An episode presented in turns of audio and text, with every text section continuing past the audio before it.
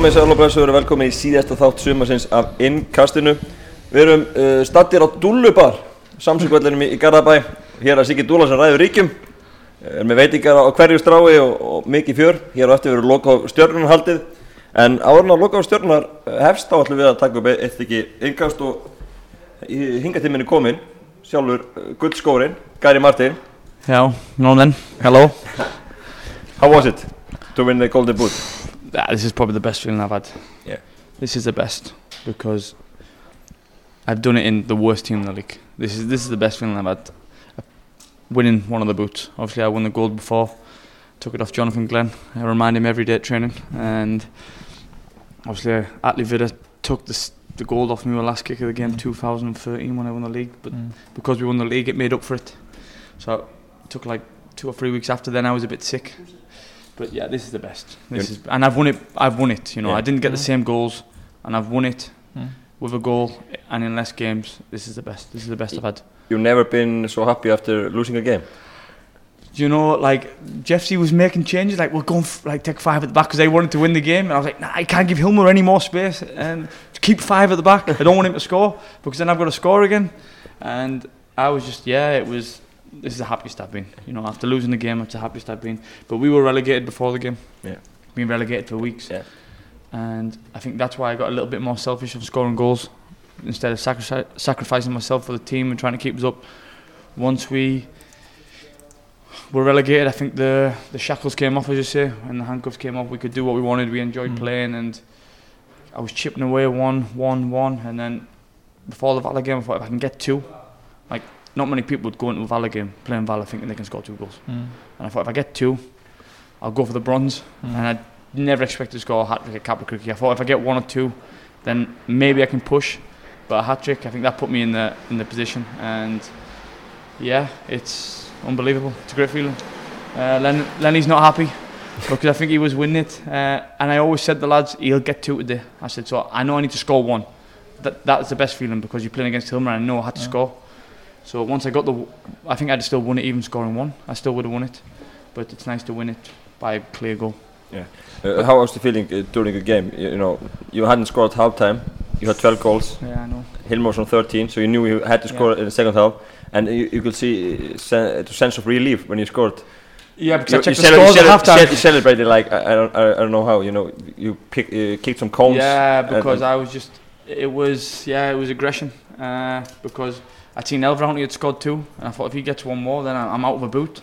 And before the game, I thought if I don't win the golden boot, as long as I get a boot, it's still a ridiculous season.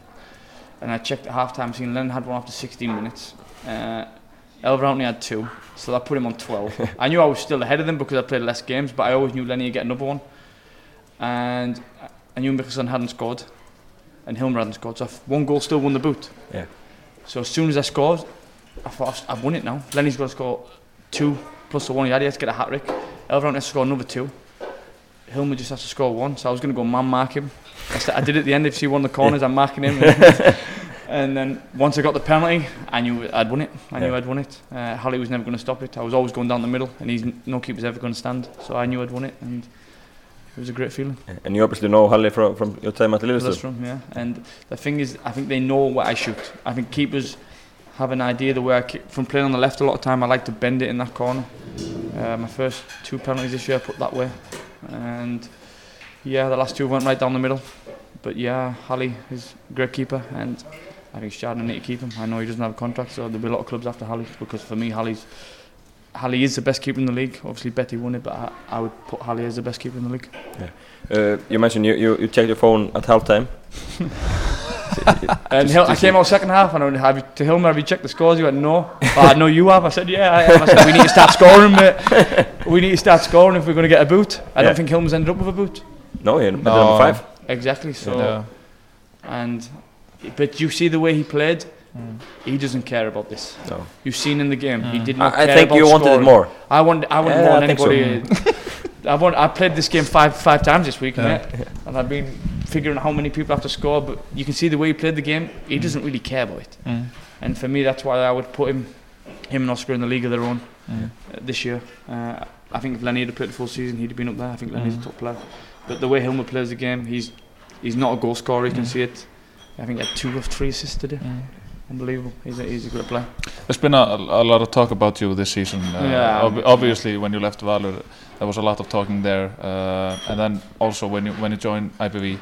Uh, at one po- at what point do you, you know, like uh, feel that there's there's a lot of talking about you, and does it ever get to you? I'm glad you asked that question. Mm. I'm really glad you asked that question because people think I'm I'm a laugher and a joker. You know, I, I don't take things serious, but when a manager tells you you don't fit the system, and I was like, okay, and he was going to bring in another striker, that's fine. I can handle that. I'm I'm 28 years old. I played abroad. I wasn't number one when I went to Lokeren. I wasn't number one when I went to Lillestrøm. You have to earn the right. Okay, he brought me into Valak, being number one. He said I'm bringing another striker, and then for the next day to go to the media and say, yeah, I can tell Gary he can leave. And my name got slandered through the press. Mm. Okay, people weren't talking bad, but it was just nonsense. Made up stories. Gary's done this, Gary's done that. And people don't understand. I'm a foreigner in a different country. I'm by myself in an apartment and I'm reading all this. It's not nice. No human being deserves to go through what I was going through. And like I like I like to laugh and joke it off, but then I got stopped training. You know, like that's stopped me training, treating me like like like I've done something really wrong when I hadn't. That he just made a decision that I didn't fit in his team, which I can handle. That's fair enough. If you don't think I don't play the way you want to play, that's fair enough. But accept my opinion when I tell you when you're playing with three defensive midfielders, that's not going to help me. Mm. That's not going to help me because I'm not the type of player Patrick is. Always comes to feet. Mm-hmm. I don't like to do that, and you knew that when you signed me. So then don't all of a sudden make me to be the bad person. And that's how I felt. And I feel sorry for Hannes, Becky and Biadney because their names got dragged into it, saying that they went to Olio and said they had to kick Gary out. I read this story. Like, it was just nonsense. And it made me feel bad that other people's names were coming into it when it was just one guy who made a decision. And he had to live by that decision. And now he has to eat his own words. Because I went on to win the boot and he has to eat that dirty sock. Do you feel like you got thrown under the bus? Yes, yes. I was thrown under the bus. I was thrown completely under the bus. I don't know why it was me. Like, I'm, I'm a joker, I'm a character. Maybe thought I was too loud and boisterous in the dressing room. But if I was too loud and boisterous, mm. Ada, Aaron Hoikepower would said, Gary, you need to calm down. They would have came and grabbed hold of me and said, look, we don't behave like this. So it was nothing like that. And I think that he just chucked me under the bus because things weren't going well. And I was scoring, but we weren't defending the goal. How is that my fault? I can't play striker and centre half. Do you know what I mean? Like, it's not my fault. And I felt like he blamed me, and I don't like it, but at the end of the day, it's all worked out for the best, and I went to IBV and I've won the Golden Boot. Oh, There's been there also there's also been a lot of talking. Uh, people always talk about you wherever you go. Uh, there, uh, there's always been a lot of talking about also uh, you're celebrating goals, uh, but you're not getting any points to IPV. Do you also recognize that? Uh, I mean, I mean, it's fantastic for you to win the Golden Yeah. Boot, but you haven't gotten that much points to IPV. But I people say this, and I'm doing my job. We score four goals away at FL, and we don't walk away with a point. That's not my fault. I can only score the goals. I can't defend them as well. I seen Atlee Vidda said something on on the thing. Yeah, he only has five points. What do you want me to do, mate? Do you want me to defend both goals and score at the same time? Who do you, who do you think I am? Yeah, like, do you want me to play in goal as well? Like, I just have to score goals. It's simple as that. And if they don't keep them up, that's not my fault. Do you know what I mean? Like, I, I, I don't believe in any of this. And this is the second time I've won the Golden Boot and not been in Team of the Year on the Pepsi Show. The second time. So I don't know if they have a problem with me. They don't like the way I am. It doesn't bother me. It's a little trophy that I'd probably fling in the bin anyway. But it doesn't mean anything to me. But it's like they have a problem with me. And when I watch the, the show, like I'm honest. I didn't want Thomas Mickelson to score. Well, I'm going to say it. I know they found it funny, but that's the truth.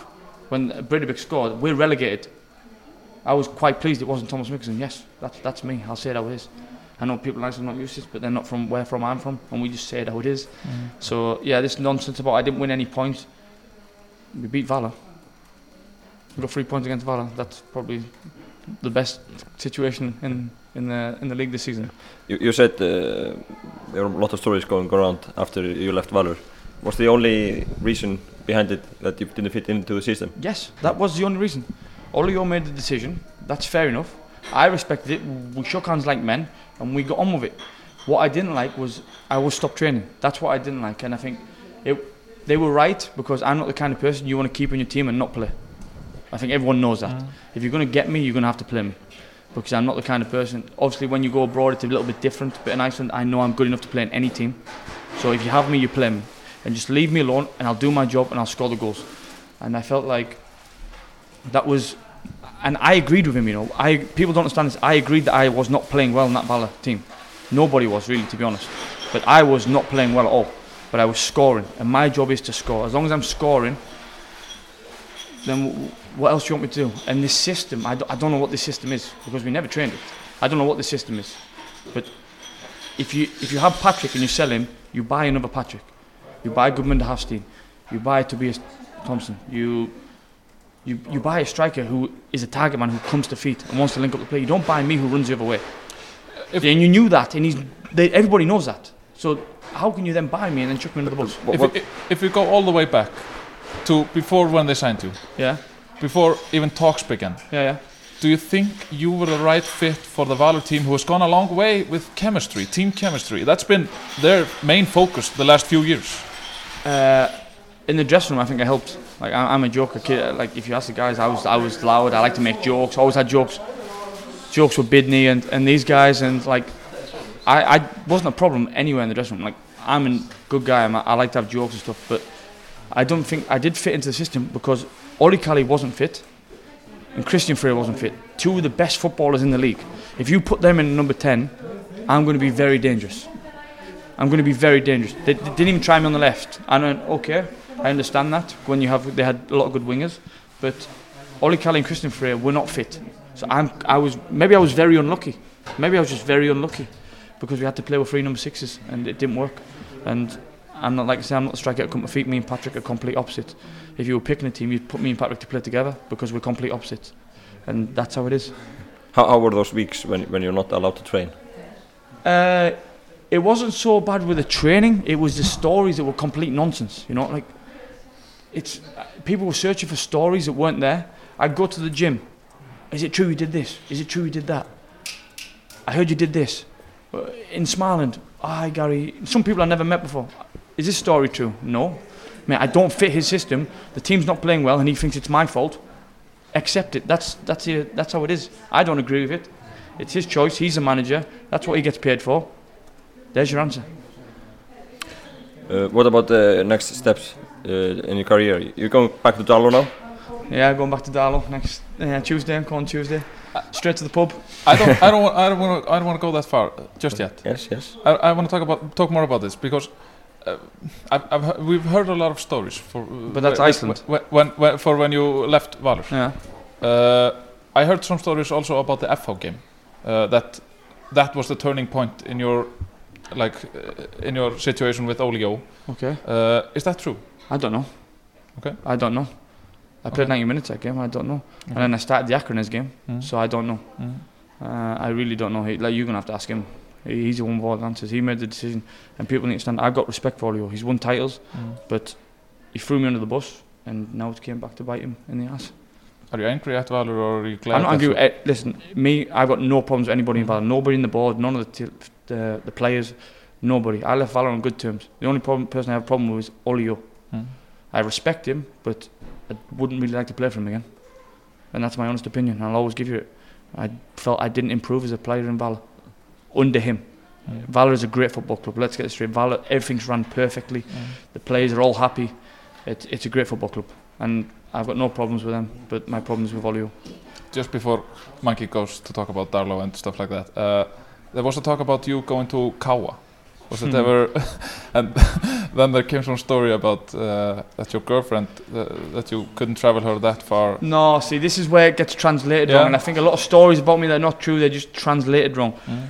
The the problem was that it was two days before the window was closing, and my girlfriend was coming the next week for four days, and I didn't want her to go from Darlington to Manchester on a two-hour train, then fly to Reykjavik, then take a bus to the airport, then take a flight to Akurey. She's only coming for four days, bear in mind, not ten. If it was ten days, that's no problem. Mm. To then spend a whole day traveling, spend two days and a whole day traveling back by herself, when she can just fly to Reykjavik and be there four days. It- I'm not So- going to make that decision. That was the only thing. It wasn't because she didn't want to travel. It was there was no notice, Mm. and I didn't want to make her travel two days to only spend two days in Iceland So when she can spend a two-hour flight and spend four days. So that was the reason. That why was you the reason. why I- you didn't go to I Kawa. didn't go in Kawa before the window closed. I would have went in July if it had been a sensible offer, but it wasn't.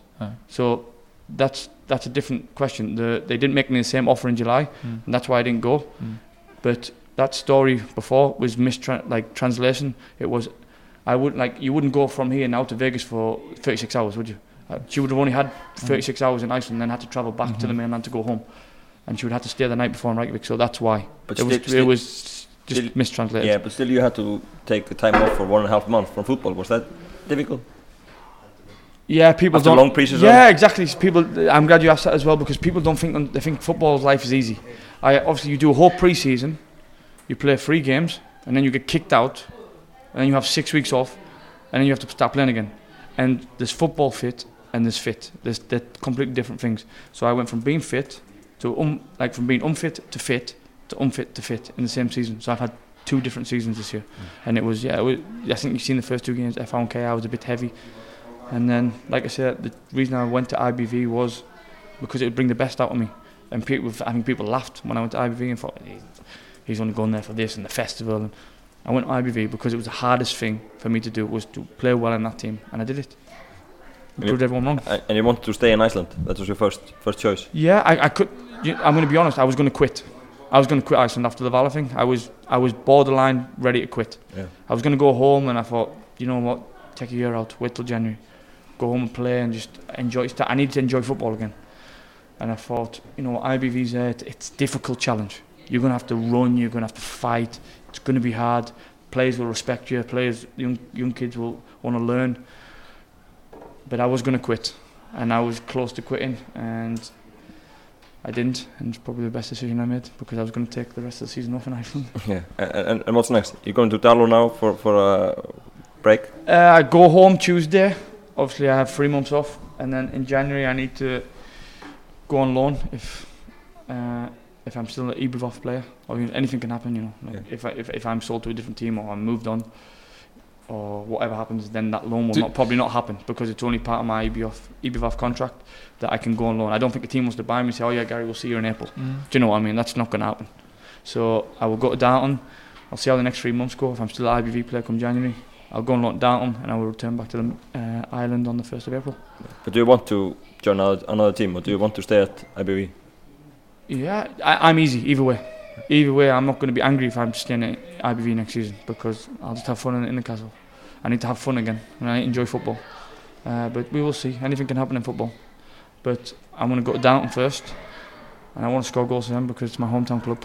Uh, I'm going to get abuse from from people I see downtown. They're going to be shouting, he's, he's shit, and you know how it is.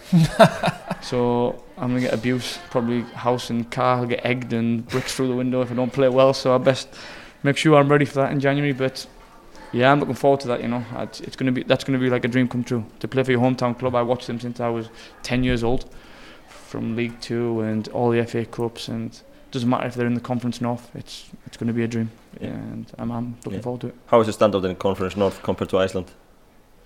It's completely different. You know, in Iceland they want to pass the ball to each other. In the Conference North, it's who can kick it the furthest. I think who can kick it and head it the furthest. Uh, but I've played in it. I played in it for York, and at one point I thought I was playing with the wrong size ball. I thought I should have been playing with a rugby ball because I was like, this is not football. Like Yeah. we're playing with the wrong ball. Like Yeah. we need to swap this for a rugby ball because it was not normal. It was just kick and run and Yeah, my, my, my, shoulders were hurting just watching the ball backwards and forwards. Uh, so yeah, we're not like play in York again and play who can kick it the furthest. But Downton play, they play a little bit, they try to play. And David Atkinson's there, who was in Ibival. And I'm trying to get Jonathan Franks to go there, who, who might leave IBV. He's from Hart, he's played for Hartlepool though, so it's not a great idea. It's not a great idea because he's played for the Monkey Hangers and we don't like Hartlepool. Uh, so yeah, it will be it'll be interesting. It'll be good. yeah, yeah. Uh, how, how would it go if, if IBV will play against uh, Darlington? Who will win? It depends where the game was played. If Yeah. it was played out in February in AS Hall, probably us, or outside. But yeah, you see this a lot. Like it's two different, completely two different levels of football. It would be, I think, if we got sucked into their game, they'd win.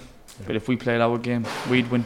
Like I think if Valor played them the, the way Valor played football, they'd beat them seven 0 But if they played them in England on the dry, bumpy pitch, they'd probably get beat one 0 You know how it is. Uh, you've seen IBV got beat five one. Valor on the artificial came to the mainland. We beat them two one. pitch was gr- like grass was long, dry. Can't play football. Let's have a game of football if you want on that if you want. Uh, uh, all right. Uh, what about uh, next season? Do you expect to get offers offers from from Pepsi? Do you do you want do you want to get offers? It's nice to be wanted. Yeah. It's nice It to be wanted, but you've got to see. Uh, it's up to IBV if they want to sell me. Of course, like I said, if if an offer comes in that I like, Mm. I will be honest with them. Mm. But if I don't, if there's offers that I don't like from the Pepsi team, I'll just say no and stay in, in Newcastle. Right. I've got no problems with playing in, Newcastle. Like people think it's like the be all and end all playing the Pepsi League. Don't get me wrong, it's it's fun and enjoyable, but once one team runs away with it, you see the, the fans start to die down. I think if the fans came all the time, it would be much more. But Mm. you never know. You never know. You never know what's going to happen. Nobody expected me to. If you start the season, you say Gary goes to Bala after three games, they kick him out. He joins the worst team in the league and wins a Golden Boot. You would not write that. Nobody would write that, and that's football. Anything can happen. But yeah, obviously it's nice to. Be, it would be nice to be wanted, but we'll wait and see. If not, I stay in IBV. I, I'm happy there. The summer's there. Great golf course. The festival. What else more do you want? Your mouth must keep getting dry. It's a podcast, mate. and I've got, I've got from the Siggy bar. I've got, what, what's this here? What drinking? Fizzy water. Only two questions left before we leave. Uh, we, we are here at Stjarnan. You've been linked to Stjarnan uh, before, Yeah, before and some- the supporters like you. like me. You hear what they sing about me? What did they sing? I'm a wanker, I? I've been a wanker for the last 10 years. And the best thing is, when I watch the games from abroad, they were still singing Gary is a wanker, and I could just hear it from my iPad, and I'm sat in Belgium. But they- they are still sending you some yeah, yeah, messages this on, Stjarnan- on, on the Instagram, Stjarnan yeah. fans are unbelievable. Yeah, Yes, they are unbelievable. But I'm not a wanker, by the way. So, I, I don't get this, you know. I, like So they sing it, they sing it when Valor's playing, K, like oh, Valor's playing Stjarnan, and Gary's a wanker. so would you like to play here one day? You never know. I, I love the fans, yeah. You know, I've been linked with them, and I think Valor wanted to swap me for Goodman to Hastings, and I would have done that. Yeah. I would have done that. Yeah. But football didn't happen. But you never know. There's a lot of teams I would like to play for in Iceland. Will you stay I'm, here get- for I'm your, getting old now, so but, but, but still, will you stay here for the rest of your career? yes, yes, I'll be in Iceland for the rest of my career. Yeah. That's the way I see it. Think? And for how long time will you play? If I, it depends what kind of body. If you get the Valor body, maybe two years. But if, if I'm in the shape I'm in now, I can play till I'm 37, 38 in Iceland, Yeah. easily. Well, uh, next interview on Icelandic. We can give it a go. Yeah. We can give it a go. I might have You're to do, I sure? might have to do a Study Dean hard, Martin. study hard Might and have to do a down. Dean Martin though. If you don't know the Icelandic word, just chuck an English Yeah, word in. yeah. So, so you're Yeah. all right with that? Yeah. Yeah, I'll, I'll give it a go. Right. Uh, I think it's uh, enough for now. Thank you very much for your time, Gary, and, and, and your time in, in Dalo winter. Thanks for entertaining us. No worries. Thank you. Thank you. Thank you. Við erum með lifandi hlaðvarpina og ekki bara kalla Jú, jú. næsta, Við köllum á næsta, við köllum á næsta mann. næsta mann. you're the best keeper in Iceland, and now he's absolutely. Menn býða í rauðum hérna Menn býða í rauðum eftir að komast að yfir Dalo og hinga er komin Gunnar. Já, Hver er komin hinga? þetta er, þetta er okkar maður, Maggi. Þetta er okkar maður. Elvar kemur ekki nálægt þessu. Og ekki tóm heldur. Þetta er Risa. Jósef Friba, Já, okkar maður frá, frá umferð eitt að það we ekki. are, we are pronouncing, it, pronouncing your name, right? Yeah, Josip Zeba is very easy. Zeba, yeah, Zeba yeah. is easy, easy. Yeah, right? easy, easy, yeah. Yes. Uh, 3-0 uh, loss against FA in the last game. Difficult. Yeah, it was a difficult game, but uh, the coach gave a chance to one another players that don't play. They deserve to play the whole season, and young players from the academy they deserve a chance. And last game for us was not so much important, so we was playing good, but uh, we received the first goal from set piece. Second was penalty, and then for us was the game finished, unfortunately. Yeah. And red card, and yeah. Yeah. What do you think about the uh, season? Grindavík? Ah, it was a very, very strange season. We, we, we played defense very good, but unfortunately we not score a lot of goals. You scored some. Yeah, I'm the best goal scorer in the team. So when it's the defender, the best goal scorer, then it's not not not so good. Yeah.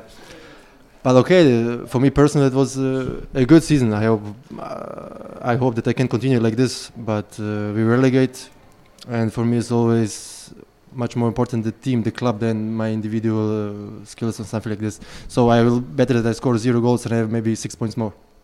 What, what, what do you think about uh, the Icelandic League? How do you like it? I. I like it. It's more powerful league. I thought much much more fight. I was playing in last year in Vietnam. The, everybody's one meter and forty five maybe. Yeah, and they're, they're very fast. They cannot catch us. It's like unbelievable. They're like mosquitoes. here, here are the players more stronger and powerful. But I think it's for me easier. So I adapted very good and play very good. Uh, you've been known as a quite defensive team, uh, especially in the first half of the season. Uh, you played obviously a big part in that. Uh, how much took Tufa and, and Gunni uh, focus on the on the defending part?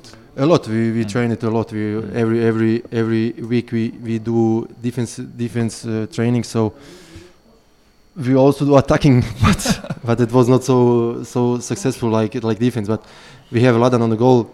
We have Mark with me, and and I think every every player starting from the, from the strikers, they play defense. And that sometimes it's not easy to score when they give everything for the team, and then yeah. It's not easy for the strikers, and we have young strikers, real young strikers, and uh, Stefan is 19, Ziggy is 18, 19, so Mm.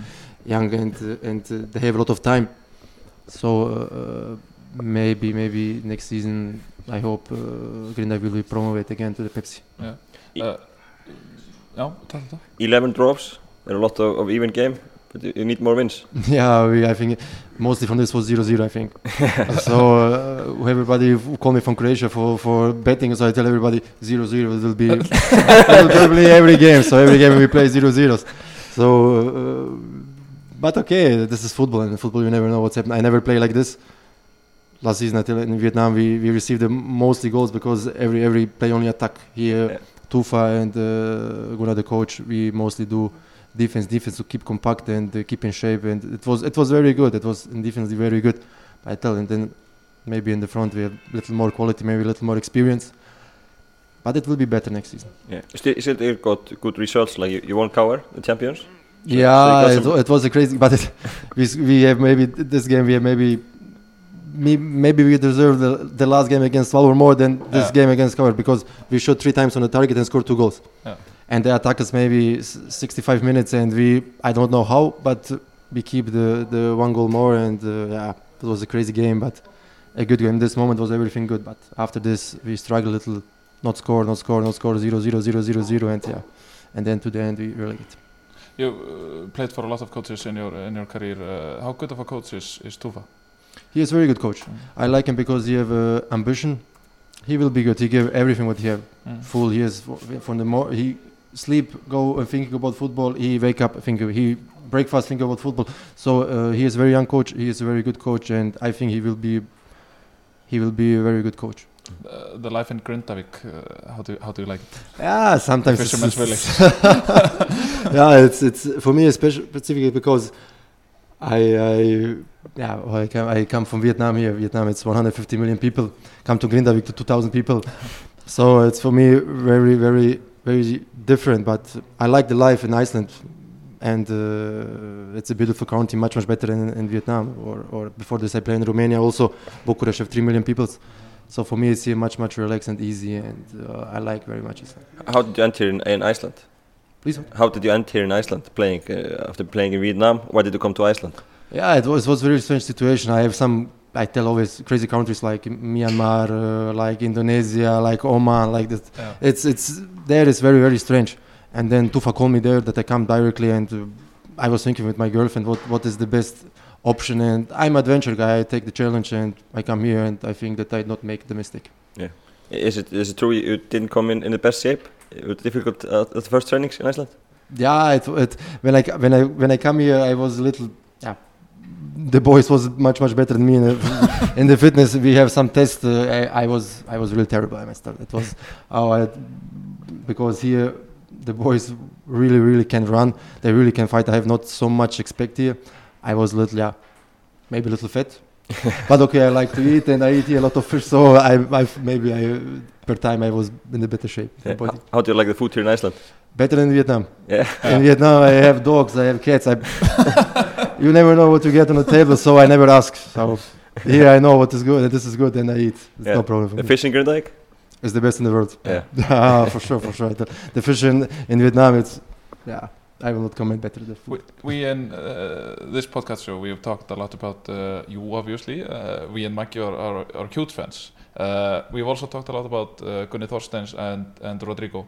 Uh, do you think these are the three guys that might leave Grindavík for a for a top division club?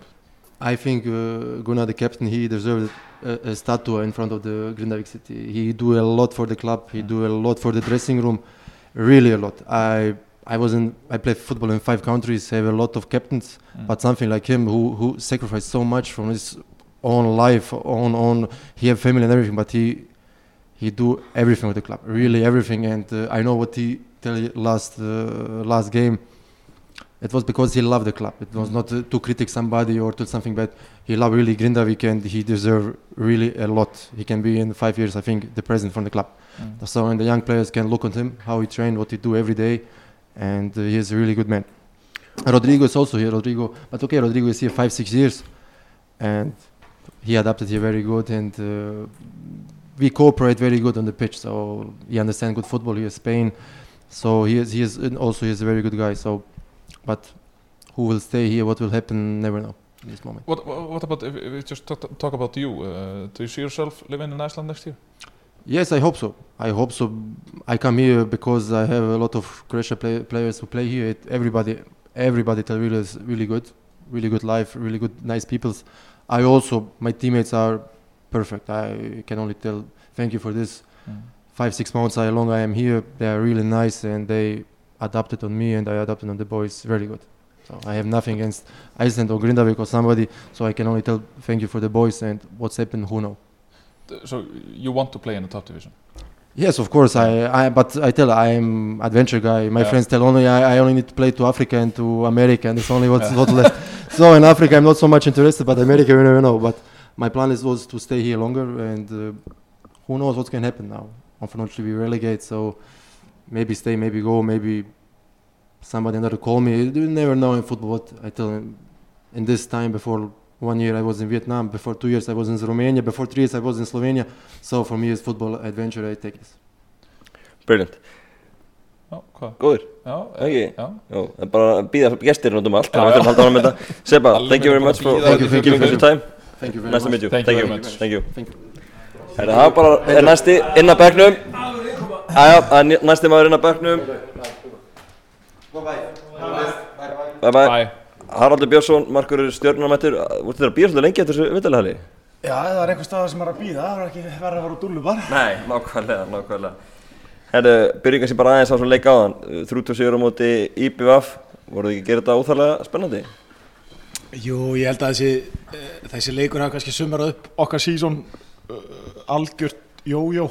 Við höfum tekið hérna yfirhöndina og hliftum með minni leikinn og tókum yfirhöndina aftur og, og, og hérna svo hlipum við aftur inn í leikinn. Þannig að þetta var svona, eins og segir, óþarlega spennandi en, en það var gott að klára þetta. Já, þinn fyrir félagi Lilleström, Gary Martin, hann náði guldskonu. Já, Þú ætlar ekki að lefa því að gerast fyrir, fyrir daginn í dag? Nei, bara, sérst, auðvitað ekki, bara, maður fer aldrei inn í, inn í leik og, og ætlar að lefa einhverjum að skora, sama hver það er og, og hérna, en bara rós til hans, hann er búinn að koma frábælega tilbaka eftir þetta módlæti sem hann mætti og, og bara virkilega vel gert í honum. Hvernig var þetta á vítapunktinu með að hann var að fara að mæta þér? Hérstu að vera með hann? Hann var nú vanur alltaf að setja hann í þetta hot sem ég skuttlaði mér í, en, en hérna, hann var búinn að breyta, setja hann hérna, setja hann upp í þagniti og, og það var vel gert hjá hann, en hann tók sama vítið á móti hérna ég í síðustöfur, hann ég átt að fatta það. Sko, mér langar að ræða, það er margir hlutir sem mér langar að ræða, mér langar ekkert að- mér langar ekkert að ræða þennan leik. sko. Við höfum tíma, nei, og bara aðeins að snert á hann, er búið, ekki meira um hann. Uh, náttúrulega þessi umturnun sem að verður á þér, uh, kannski byrjar tímabilið ekkert allt og vel og þú færð kritik á því, uh, síðan þá bara mínum að þetta besti markmaður deldarinnar. Uh, hvað er það sem að breytist hjá þér? Ég veit ekki, ég er náttúrulega hérna, það var kannski svona ákveðin uppvakning að fá þessa kritik og þá þurftum maður aðeins svona byrja að spá í því og, og hérna en ég ég veit ekki, það var hérna síðasti vetur og svolítið, það var, var mikið að gera ég var í skóla og vinna og, og, og, batna á leiðinni og svolítið og svo einhvern tímann í sum, bara í sumar að þá svona þá svona kemur ákveð rói yfir þetta batni kemur og, og maður fer að hugsa um það og, og, og svona bara nýtt hlutverk og, og hérna já, bara svona einhvern veginn, maður fer að hugsa betur um sjálfa sig hérna það væri bara einhver svona, ég veit það ekki bara svona, maður vaknar aðeins upp og, og hérna og fer að hugsa og svona sjá hlutina í öru ljósi. Hvað meina, þér þú um ha, Hvað fannst þér um gaggrína? Nei, bara, hún áttir bara rétt á sér ég, hérna það er hérna sjaldan sem er verið að gaggrina menn bara út í loftið. Þannig að hérna að, að það er bara spurning hvernig maður hérna, hvernig maður bregst við því og, og hérna maður hafði getað farið inn í skél og, og eitthvað en, en hérna en maður hefur svona upplifað eitt og annað í þessu og, og þannig að það var bara hérna, segja, ákveðin uppvakning og, og svona maður fór að sjá aðra hluti og lífið eru ljósi uh, hvernig, hvernig fannstu eða, þú, þú lítur á að fundi sjálfur fyrir þessu mun af því að ég meina maður sá bara munaður inn á vellin Já, já, ég hérna uh, kannski erfitt að að setja Jú, ég svona maður kannski að segja ekki á því hérna í vetur og fyrir hluta móts og þannig hvað svona þú veist, hvernig það var en, en mér hefur liðið mjög vel inn á vellunum undarfarið og, og hérna og það kemur náttúrulega líka með svona þessum að spila leiki reglulega og kemur ákveður einsla og, og ekki valla búin að missa leik núna í þrjú ár þannig að það kemur ákveður einsla með því. Nú ertu búin að spila út í áttunum og búin að spila vel hérna setna hluta móts en samt sem áður eru komnar einhverja sögursagnir af stað um að stjarnan sé að að leita sér að markmannu og nafni Ingvar Jóns verið nefnt. Þú ert antala meðvitaður um, um þá umræði. Já, ég hef alveg heyrt það og, og hérna Yngvar Jóns náttúrulega gerði frábæra hluti í stjórnunni og, og vann Íslandsmeistaratitil með þeim 2014 og, og hérna og náttúrulega með, með status innan, innan félagsins og, og En finnst þið þú ekki verðskuldað þann status? uh, það verða aðra dæmi um það Nei, eitthvað hvað finnst þér sjálf? hérna, við höfum ekki orðið Íslandsmeistarar Nei. undanfærin þrjú ár þannig að hérna En myndur þú segja að hópurinn væri það sterkur eins og hann var þegar að stjarnan var síðast Íslandsmeistar? Uh, ég bara á erfitt með að tjá mig um það því að ég var úti á þessum tíma og, og, og sá ekki marga leiki og fylgdist, fylgdist bara með, svona, með deildinni frá með því að lesa fréttur og annað ekki, ekki það sem ég sá inn á vellinum þannig að það er kannski erfitt að, erfitt að bera það saman En þú hefur vendala fullan vilja að vera áfram í stjórnuna eða hvað? Jú, jú, mér liði mjög vel í stjórnunni og, og hérna undanfarið þrjú ár hafa verið mjög góð Þetta samningslausað ekki? Jú. Og einhver viðraður verið í gangi? það er bara no comment Ekki segja það? En hafa önnulið verið að heyri þér? það er líka no comment Það er nóg að það líka já, já, ég. En ég meina, þú hlýtur samt sem áður með framistöðinni undanfarnar vikur þá hlýtur þú samt sem áður bæði að vekja já, eitthvað eitthva umtal og annað slíkt og, og náttúrulega komin vantilega komin einhver, einhver svona skrá um þig erlendis líka. Máttu við eitthvað tjáðu um það, er, er eitthvað erlendis frá? það er ekkit, ekkit erlendis sem Ekkert að er hérna hefur borð, komið upp eða svoleiðis. Það er hérna mér leiði mjög vel þegar ég var erlendis og, og auðvitað langar menn alltaf til þess að spila á besta mögulega leveli og, Mm. og hérna ef það kæmi einhver möguleiki sem að væri betri heldur en að, að, hérna, og væri þess virði að fara með konu og batn út þá myndi auðvitað að skoða Mm. en mér leiði mjög vel í stjórnunni og, og það var bara komið ljós En með þessa Ingvar Jóns umræðu sárnar þeirra að stjarnan sé að horfa annað? Nei, nei, nei, ég alls ekki, þetta er bara boltinn og, og hérna og, og svona er það, það eru miklu peningar í, í húfi og, og þessi keppnum að komast í Evrópu og vinna Íslandsmeistaratitil og, og komast í meistardildana, hún er, hún er hörð og, og liðin ger allt sem þau geta til þess það er hérna það hafa verið fullt að stjarnan hefur tekið erfiðar ákvarðanir hérna undarfarið og menn hafa lent undir í, í alls konar hérna, stöðu bárðum þannig að það verður bara komljós Hvað með tímabili hjá stjórnni? Fjórafsætti niðurstaðan? Mikið vonbrið ekki? Jú, mikil, mikil vonbreið og ég held að svona, við geta kannski verið sjálfum okkur vestir við höfum hérna, hérna mikið af jafntöflum og, og hérna svona eitthvað auðvitað mörgum sem við fengið dæmt á okkur og krúsjál momentum og, og svona en mikil vonbreið að hérna að ná ekki að vera uppsæti Hvað veist þér með þessi mörg sem hefur verið að dæma okkur eins og hlýjarenda? ég hérna já það er Ertu að velja orði? Það er bara fæst orð bera minnstu Mm. ábyrg hvað þetta varðar. Það er hérna, við höfum lendi í En nokkuð hægt að dæmi bann svona sint á eftir Er það ekki? Það er spurning, það gildi í næst hérna Það er mikið að láta það flakka Já, það, hérna, það hafa verið margar mjög ótrúlegar ákvarðanir í þessari deild. Uh, Þetta sínari á valsveldunum var örgulega það skrítnasta hérna, sem að maður hefur lent í. Að sló okkur algjörl út af læginu. Svona, veit, ef það hefði bara verið flagga strax og, og búið, þá hefðu getað haldið áfram og örgulega siltu sér heim og og svoleiðis, en, en þetta moment það slæður okkur út af læginu og það, er svona, það eru mörg moment sem hafa hérna stöngin út kannski en, en við kannski, höfum bara verið sjálfum okkur vestir og, og það er erfitt að kannski kenna við þurfum bara að kenna okkur sjálfum og hérna fara í, í lengsta undirbúinstíðanbili heimi og reyna að vinna úr því Hva, Hvað var stjarnan að gera til að gera betur næst í einbili og, fara í alveg titibaratu? ef ég, ef ég vissi öll svöru við því þá var ég örgulega þjálfarinn En ég meina það, það, það, er, það er alveg nokkur ljóst að það þarf einhver, eh, einhvers konar endun í hún að eiga sér stað. Ég meina það er þannig menn sem að kannski eru svona á loka metrunum. Ég, held að, ég hugsa að það sé, ég hugsa að maður sé ekki að stíga hann að tær með því að, að segja það að, að það eru þarna sumir sem eiga kannski ekkert mikið eftir á tóknum en, en þá hlýtur að vera jákvæmt í, í leikjum eins og í dag að Sölvi og Alex Þór og þeir viðast alveg vera klárir að taka við keflin.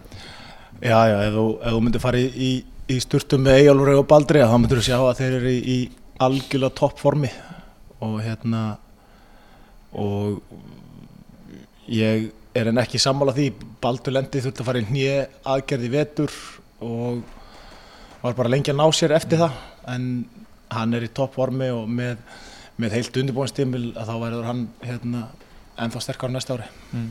Þannig ég get e- Það var ekki að Já, Hvað var að segja? Hann var að segja að hérna, hann er búin að vera svo mikið meittur þannig að ef hann fær heilt undirbúinustimbil ef hann er búin að, ef hann fær heilt undirbúinustimbil Hvað- ert þú að rífa kjaftinn? Hann er náttúrulega stolt sveitarinnar sko. Er náttúrulega- Benedikt Bóas, já, tjáðu þig. Ég bara, sko, ég get nú haldið heilt podcast uh, um, um Baldur Sigursson, sko. Um það þetta Er þér búið hans? Nei. Nei, ég held ekki. Það er náttúrulega stort býður að mörgum á liðinu ja, Við erum að fara í hópferð núna á Mývatn og, og hérna eftir tvær ykkur Þannig að það er bara mikil gleði framöndan Það er gott. Hvað tekur við núna svona eh, bara ef við tökum kvöldið í kvöld og svo, svo næstu vikur hvað, er eitthvað á planinu, frí eða? Já, já, það er náttúrulega bara frí. Það hefur ekki verið venjan að æfa eitthvað eftir tíambil hjá okkur. Það hefur bara verið hérna Það er ekkert ungi gamlir eða eitthvað svolítið Nei, nei, bara sl sl- slúta vel og, og hérna menn taka sér gott breyk og, og, og svo sjáum við hvað gerist í, í nómber mm. Getur eitthvað metið í próstum líka núna því að þú verður í, í blári bláu eða hvort þú verður í Ég, hef, náttúrulega aldrei spilað í bláu. það er- ég held að sé- ég held að sé núlbróst líkur á því. En, en hérna það verður bara komið ljós. Ég hérna já, ég veit ekki. Algjörlega. Við ekki bara þokka leið Já, áður veldi bara þáka leiðir Já, bara takk hjá vel spilnaðli sem leiðist Takk hérlega Takk vel. Takk Herru, þá er það bara að fara kannski aðeins yfir, yfir að helsta í Já. umferð, en það ekki, ekki Ætla- kalla fleira á borðinu, byrju. Benn alltaf þú vera með, eða Elvar eða Siggi Dúlla, það eru öllum bóðið, Já, ég, Elvar Látt ekki svona. Mikið stemmingin á, á Dúllubar búið að vera geskvæmt, Það En nú er bekkurinn það tæmdur. Það eru farnar allar sem voru að undirbúa hérna stúsið hérna á er Siggi Dúlla þetta eftir, hann Já, Siggi Dúlur eftir. Hann er á vaktinni. Sæ- Sætið er sjóð heitt hérna þarna. eftir er pizza hérna, Má ég nú ekki að fá mér, ég ætla nú bara aðeins að skoða já já, bara aðeins, já já, fyrir ekki, herðu, byrjum kannski bara á stóru málunum. Hlíðarendi? Já, þessi lokaði, nei, byrjum bara á lokaðferðinni, ég menn að klára Evropasettið, Já. það var svona viðbúið það ekki Benni?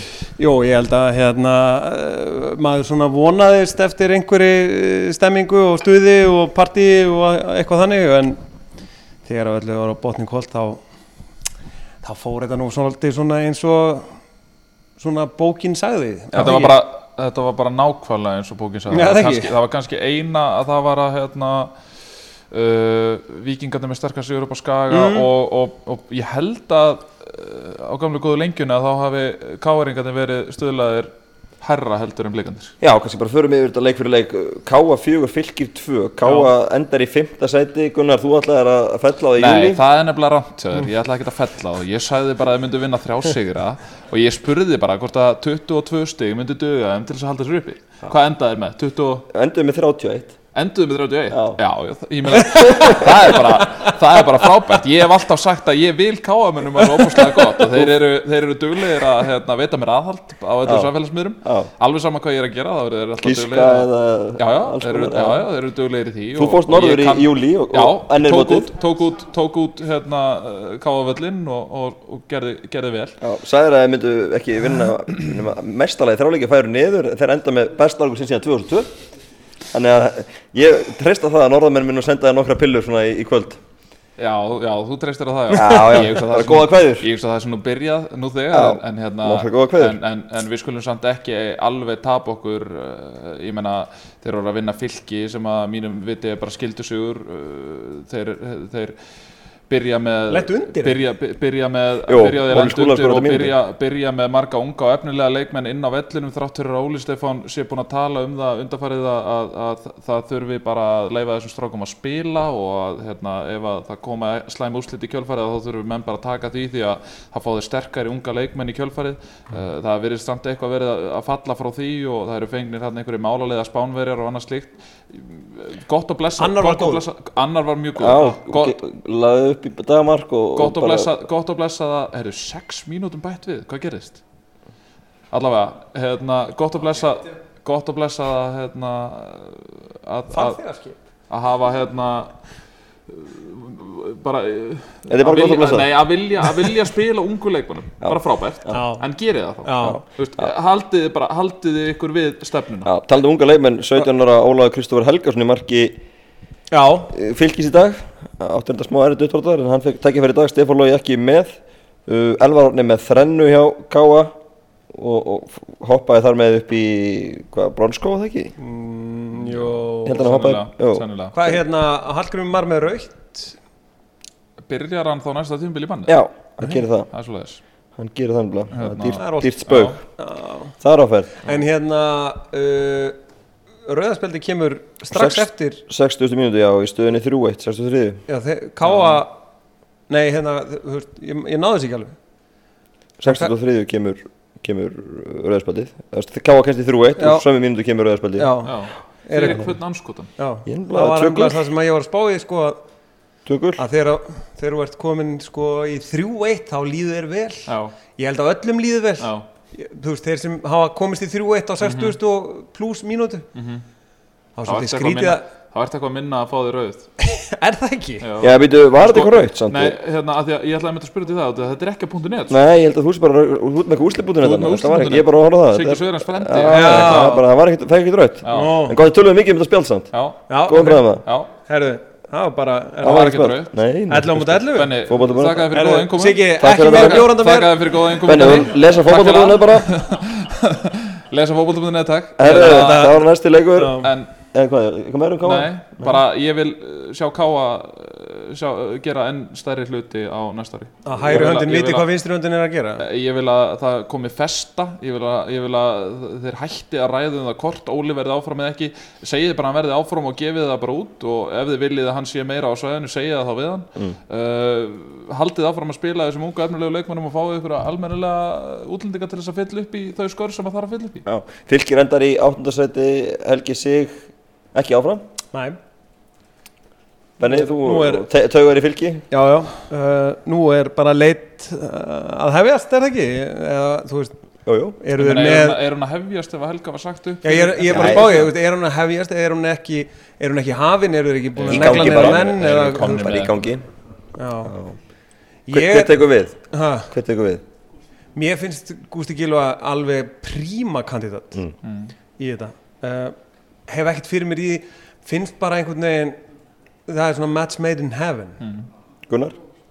Ég er alveg sammála því, ég held að Gústi Gilva væri flottur í þessu, hann er uh, bara, já, eins og sé, ég hugsa hann fari, gæti alveg tekið þetta lið jafnvel á, á næsta plan komandi úr, úr, úr kúltutum hjá Breiðablík Mm. og það er, það eru er skemmtilegir að ekki að vinna skemmtileg, og skemmtilegir hlutir Eða að gerast hvað kúltur er það?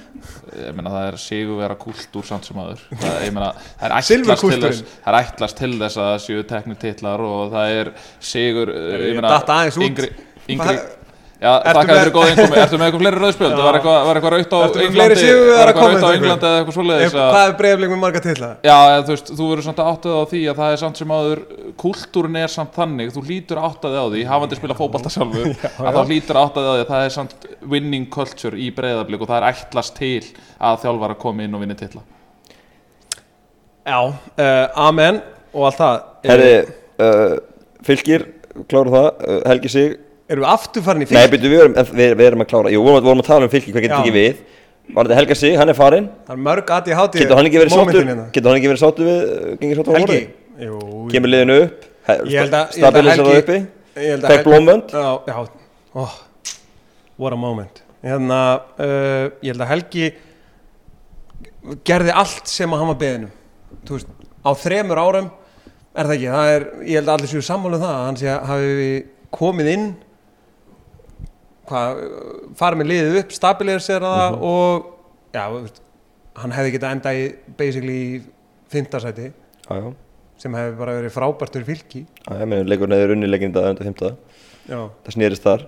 Þannig að á einum, jú, jú, vissulega kannski eftir fimm ár á, á lítum að tilbaka og man ekki alveg hvernig deildin fór og var og þannig en ég held að hann muni ganga stoltur frá borði. Orðum um að Helgi sér takja íbjöf, veit Já, ég held að það, ég held að það sé eitthvað sem að skaga, nei sem að, sem að IBVF vilji alls ekki. Ég hugsa að IBVF vilji frekar menn eins og, og hérna, Sigurvin Ólafs, uh, sennilega myndu þeir frekar taka Magga Gilva heldur en, heldur en Helga Sig, ger ég ráð fyrir. Sögur að segja þetta samt Já, sögurnar segja þetta, en ég er að tala fyrir, ég er að tala fyrir, fyrir, fyrir sveitunga mína í, í, í IBVF. Gott sjátt á Sigurinn Ólafs. Já, káf Já, já. Það er, það er, já það er- Ég meina það, það er, ég hugsa að það sé, það ætti að vera priority nummer eitt, það er að segja að því gefnu að Jeffsy verði ekki áfram, ég meina, en það er, ég hugsa að það sé, Að 25% vinnan hans hjá KSI já, er náttúrulega það, tröfla. Sko. það tröflar, Hemmi Reyðars, líka orðaðist þar Aha, Já, já. já, ég meina, Það hann, eru hann er mikið ekki að gera eftir hann hætti á Magnúsvíld. mikið að sögum í þessu. Mm. uh, Ekki skella okkur bara hlýður þetta, Benny? Já, Þínu menn, það endið á sigri og tóku sjötta sætið. Já, að sjötta sætunum stefnum við, sögðu við allir fyrir mótið, annað væri ekki gott. Og, hérna- Andri Adolfsson og Patrik með mörkin. Já, sem var eh, að dreigja varni í sólhælinu í sumar. Dabur tímubil hjá Val. að- Nei, látt ekki svona, þetta er frábært Frábært hjálpa, gleði og glöðu va, Óli og tilkynni eftir leika hans í hættur staðfesti það. Svo það er, það er alls konar uppstokkun í og Valur sendi sér að fara sér Já, rétt í þessu. Ok, hvernig er hún? bara um að samstarfs, samstarfsamningur við Ólaf verði ekki endur nýjar og Já. lofið kemst í öfili tilkynnt verður um eftirmann Ólafs innan skams Já, uh, sko það er alls konar uppstokkun getur verið í gangi núna í vala þegar nú þekki maður aðeins til félagsins og það er uh, aðeins að ljóstur upp að hérna annarflokks þjálfaranir, Matt og Jói að hérna þú, þú klippir þetta bara út ef, ef ég má ekki segja þetta, ég var, þarf að fá leiðu fyrir þessu að, að segja. En ja, við látum allt flakka hérna. Já, það, er, það er verið að kroppi þá sko. Okay. Kroppið þá, eh, frá öðrum félögum Já, í, um hérna að koma koma í þjálfun sko. Ok. Og hérna og það, þá er sko þá er mestarflokkurinn laus, annarflokkurinn já, ég meina, annar flokkurinn Og- getur ekki neitt. nei ég er að segja, þú veist, ég meina þeir heldu sér upp í í bjöðildinni Já, sem er bara sæðilegt. já, já, sem veist. er ellegt fyrir, fyrir, fyrir þennan klúb ja, ég meina þetta, þessi katastrófa öll með Óla Jó er raun og veru bara kóronar þetta eh, tímabil hjá Val að mínum að það að hann fái ekki sviðrum til þess að, vinna úr því sem að illa fór á þessu tímabili finnst mér galið. Uh, eitt sem að, mér langar að ræða síðan er uh, maður náttúrulega fylgist með umræðinni uh, og umræðan um þetta valslið hefur verið rosalega skrítin í allt sumar uh, nú síðast uh, var, var vera neikvæð sko. Dr. Fútbol í, í hérna keiluhöllinni þar sem að uh, sérfræðingur á vegum umræðu þáttarins um Pepsi-dildina, uh, þar er hann fenginn inn og hann hendir fram þeirri staðreind að aðalmarkmaður síðustu fjögura ára byggamestari tvísvar, Íslandsmestari tvísvar hendi því fram að, að hann hafi verið með samningstilbóð á borðinu og bara eh, skauta framhjá því og bara eh, með, einhver, með einhvern uppstilt og hróka sko, þetta er eh, algjörlega fárónlegt og galið þetta er í raun og veru Máni þarf átt að segja því að hann er náttúrulega ekki á, í Harmageddon á Mm. X-inu hann er actually komið núna í Pepsi Max mörkin sem að e, þetta er í raun og veru svipað eins og ef að Gary Neville færi að tjá sig einhver staðar annar staðar heldur en í Day Já, að þá er náttúrulega hans, hans orðu með tekin, te- tekin sem heila á sannleikur. Akkurat. Þarna þarf Máni einfallega bara að vinna heima svona því miður Já. því að uh, sannleikurinn er náttúrulega bara sá að, að viðræður við Hannes Þór Halldórsson voru löngu hafnar áður en að uh, samlistilbúðu kemur uh, frá Val til Antons. Uh, Valur er greinilega að reyna að hilja yfir hvernig þeir fóru með aðalmarkmannin sinn til fjögur ára enn og aftur þeir eru að reyna að hilja yfir það í fjölmiðlum með því að dreifa þessari sögu Uh, sannleikurinn er einfallega að sá að, að uh, eins, og, eins og Hörður Snævar spurði þá svo réttilega setna í, í podcastinu að uh, það hefðu fáir sætt sig við uh, þessi laun og, og kaup og kjör sem, að- sem að Antoni var, voru bóðin á, á þessum tíma mm. Svo þegar að stjórnvald sér í hvað stefnir og sér að, Hannes er að missa úr leiki sér að Hannes er kannski ekki eh, alveg eins kaup og þeir byggust að þá lóksins heyrist í þeim aftur. Uh, þá er Anton uh, bara komin í raun og veru bara í raun og veru það sem hann á skilið að, að það er önnur lið farin að heyra í honum. Uh, þetta er raun og veru bara svona einhvern veginn hvað maður að segja, svona tíðarandi vals á þessu tímubili að, að það er bara, það er allir með öllum og eitthvað gert bara einhver tíman Veist, þetta er bara, það er allt í sundrung og, og það kóruna síðan með þjálfaramál Ertu sammála mér í þessu minni? uh, Já og nei sko Ég meina, hva, Ég hvað er jákvætt, hvað tekur jákvætt úr þessu tímuli? Að samið hafi verið við Patrik Pedersen til þryggja ára? Já, ég held að það sé, það sé okkar besta, mm, besta mögulega moment já. sumarsins að fá Patrik aftur ég, ég held að hérna, það voru ég var eitthvað að ræða þetta á elvar á leiðninga ég held að vera að gera svona 15 mistök, svona alvarleg mistök Mm. frá því að titillin fór á loft eftir víksleikinu fyrra Mm. og það eru bara mistök sem eru bara hjúts og of stór til að til að hérna einhvern veginn eh, að sé hægt að þú veist, me- menn þurfa bara að íta á restart einhvern veginn. Ég held að menn hafa aðeins farið bara fram úr sér eða ég veit ekki, fram úr sér. En- ég held að menn hafi bara farið ég veit ekki alveg hvað. En eru menn ekki að reyna En- bara að íta og rýstast bara með að segja Óla upp og reyna bara einhvern veginn svona, heyrðu, já, svo kemur bara nýrmaður inn og þá verður allt gott?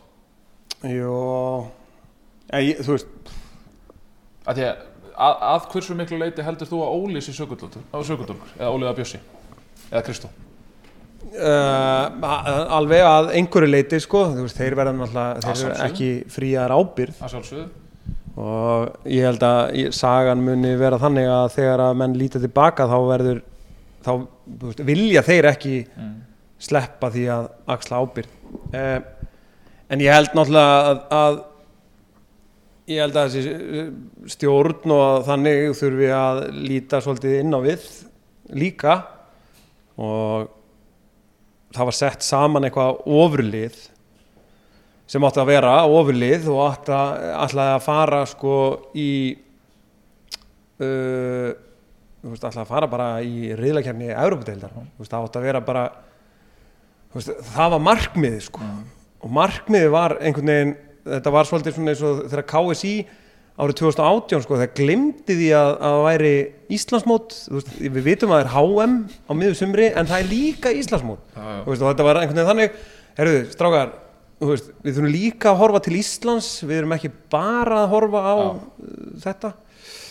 Og hérna mm, já maður þarf aðeins að melta þetta og, En- og annað en, en, en bara svo að það gleymist ekki að þá voru hérna Ludogorets Raskrat já, voru að taka Seska Moskvu Já, og vakumpakka þeim saman áttum- í síðustu viku. Já, við áttum aldrei sjens í þessa Európa-kefni Nei, en samt, Að það bara- var samt ekki sko, veist, en það er svo annað.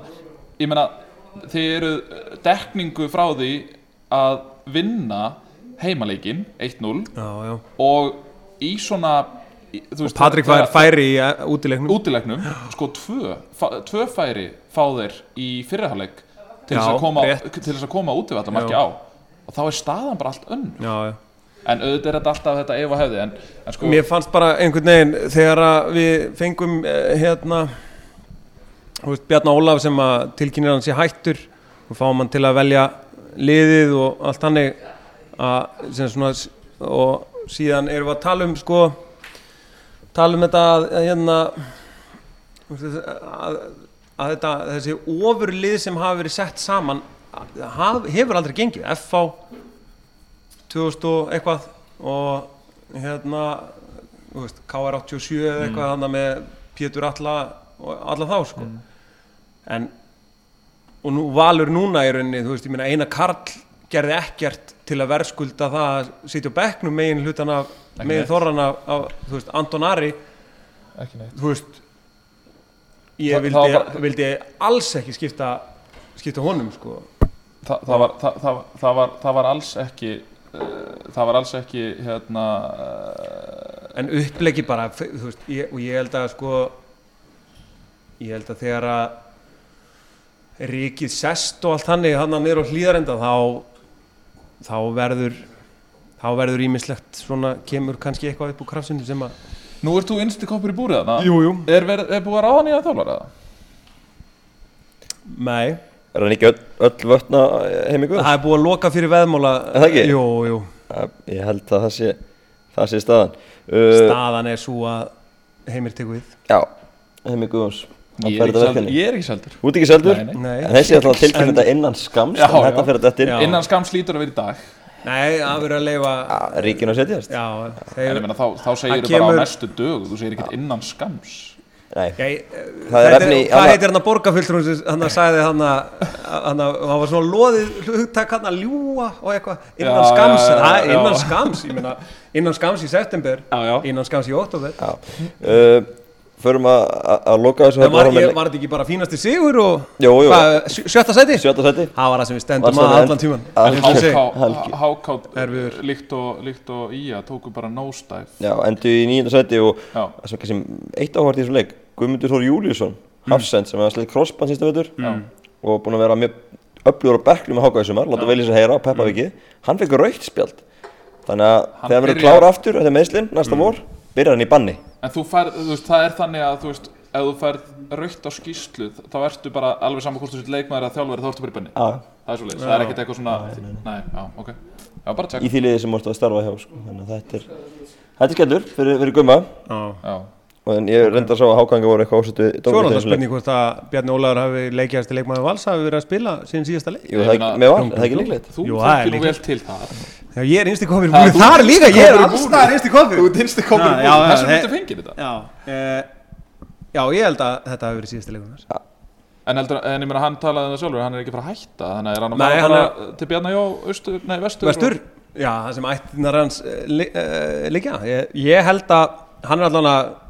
hann að hann er að allan ekki, ekki opnasta bók í heimi. Nei, og ekki við, við sko sína nánustu heldur. Þannig að hérna, uh, við vorum eitthvað að pumpa hann um daginn og þá sagði hann, þú veist, mér langar kannski bara að taka eitthvað ævintýri bara, fara eitthvað sko, þú veist leiknir fásk eða Já, vestri eða þú veist, whatever, káa hann kemur í káa, hann fyrir káa Hann Ká. káa. Já, hann fyrir, heyrðu, Ok. heyrðu, Sævar ringdi í hann og hérna, það var sko þannig. Nei, ég veit ekki. það En hérna, uh, já Leikjast í leikmaðurinn Já, heldur betur, herðu, FH 3, Grindavík 0, við vorum alltaf með Sepa hérna áðan, FH kláraði Örbjörnsætti, allir guðna líklega hættur, Ok. Stífi Lennon skoraði 2 og, og hótaði guldskó, en svo kom Garri og tók hann, svona ef við sumberum þetta upp. Herru, hver, uh, Heyrðu. aðeins, aðeins um, að því að nú er uh, gullskórin aðeins komin í umræðan aftur Hvernig var, var það svona að rokka? Já, það var svona stemmingi sinnáleik. Ég meina, Já, Heilmar ok. Átni fer úr því að verða, verða markakóngur yfir það að verða 50. Já, ég held að Garri Martin hafi fylgst best Endar hann fimm? Já, Þetta er hann enda 50. 50. Já. Elvar. Elvar, Steven. uh, Fjórði? Mikkelsen, Fjórði Siggi segir fjórði og hver er heimtið þá? Elvar, Steven, Mikkelsen.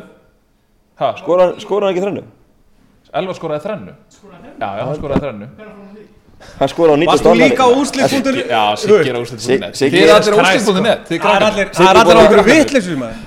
Dúlu bara allt í rugli hérna Já. Herri, En, en hérna, eh, sko, Jón Ragnar Jónsson var á, var á mæknum í fjárveru bróður síns, hann sagði að það hefði verið 16.300 manns á vellinum og þakkaði þeim kærlega fyrir komuna. 16.000 Já, 16.000 og það, ég gerir þá ráð fyrir því að það sé þá óstaðfest met hér á Íslandi í, í, í leiki eftir deild, gerir ráð fyrir því. Grindvíkingar Er einhver, alltaf- er einhver leikur sem poppar upp sem að ég- gæti, ég er hugsa. ógnað þessu? Það var þarna 15 manna leikurinn hann Grindvíkingarna hef allt í hennu poppað hann upp. Nei, hérna uh, það, var, það var hérna það voru nú örgulega einhver tár sem að, sem að runnu niður þegar hérna Davíð Þór var, var skipt út af. Já, hann ætlaði hvað spila kveðuleik Heiðskýting Eh, Já, það er heiðskipting Já. En uh. Óli, Óli verður áfram, það er 100% Já, Það var eitthvað verið að ræða um það hann, eitthvað, hann er ekki áfram eitthvað. Já. Hann tilkynnti mér að að fara í golf Djúvill sem ég undan, hann er að fara til Spánar eitthvað Hvern- hvernig var að spila?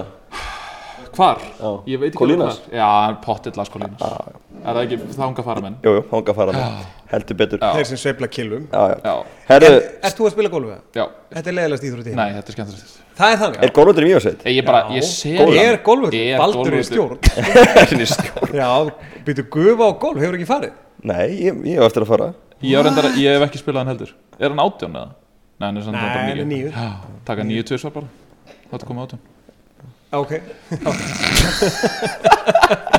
Já, já, það er hárið En drottningin úr Reykjalíð er, er í stjórn, sko, minni mig, alveg öruglega Hann var það allan Já. Herru, Nei, hann getur ekki neitt neinstað förum í, förum í, í, í næsta leik Það er stjarnar 3, IPVF 2 Lítið um það að segja kannski, við tókum Gary Martin á hann En ég ætla bara, Við erum búin að krifja já, já, en það eina sem ég ætla að fá að koma, að Það var góð maður að benda mér það Gunnar Að ef að uh, Gunni Gískar hefði ræ- ræst alltaf úrslitin hjá já. þá hefði stjarnan fallið. Er það svolítið? Er það svolítið? Það er einn kassa það er árið þeir eru búin að tella þetta saman í garabænum stjarnan hefði farið niður. Tjúvill það magna Af hverju hættirðu Stjörnuna? Maður er búin að hafa þessi áhrif á Halla Björns Maður er búin að hafa þessi áhrif á stjörnuna. Ég kem með mikið óvart ef ég er ekki bara ráðin hérna inn sem þjálfari á næstu á næstu, á næstu svona næstu missurum allavega. Nei, já, þetta er skellur. Ég var ekki með þetta um þetta. Ég, hérna það var nú ekki meiningin, sko en, en, en mér finnst samt alltaf mér finnst við rosalega sjaldan hafa verið að tala jákvætt um ef þú veist, þá er ég bara að tala um uh, podcasti sem hefur já, já. Er það- ertu ekki sammála með jú, jú, en þú hefur Það einhvern kannski litast bara. Já, en þú einhvern veginn hefur spáð þessu samt, sko. Já. þetta Ég, það er bara rugg Ég, mikill, mikill sörnumæður Þessi, þessi ra, sko, uh, hann liggur náttúrulega mjög hátt í honum rómurinn, sko. Hann gnæfir ekki- svolítið yfir. Svo sem ekki, ekki í en, en þessi tölfræði Sigga Dúlu hún, hún, hún stendst alla skoðun og Gunnar, þú eru að bæta Já. þessu á næsta ári. Siggi það bara finna sér eitthvað meira að gera. Ef hann getur verið að taka þetta bókald saman þá þarf hann bara Herri, förum þá í, í breyðarblik 1 uh, KR2 mm. Gústi Gilva með hvaðið leik fekk blómönd fyrir leik. Og hópnús og hóknús Nei, fekk hann ekki þetta eftirleik. Eftirleik, var eftirleik, já, ég held að það verið eftirleik. Já, við vorum hann já, Skelltum okkur í, í Kópavóin út af fyrirleik og breyðarblik eftirleik. Já, Breifleik uh, fekk silfu, silfrið afhend og Káringar hann fyndi sko hvað Rúnar Kristinsson er mikill toppmaður. Að Rúnar segir bara hei guys, þeir eru að fá hérna silfur velunin, komið ræði ykkur upp og klappið fyrir þeim. Mm. og þetta var svona það var svona, það var ekkert losara bragur á einunni neinu hjá Káir þeir bara í röðina fengu velunin og þeir klöppuðu og síndu um virðingu. Og mér fannst mér fannst svona kristallast hvað Rúnar er mikill toppmaður sko.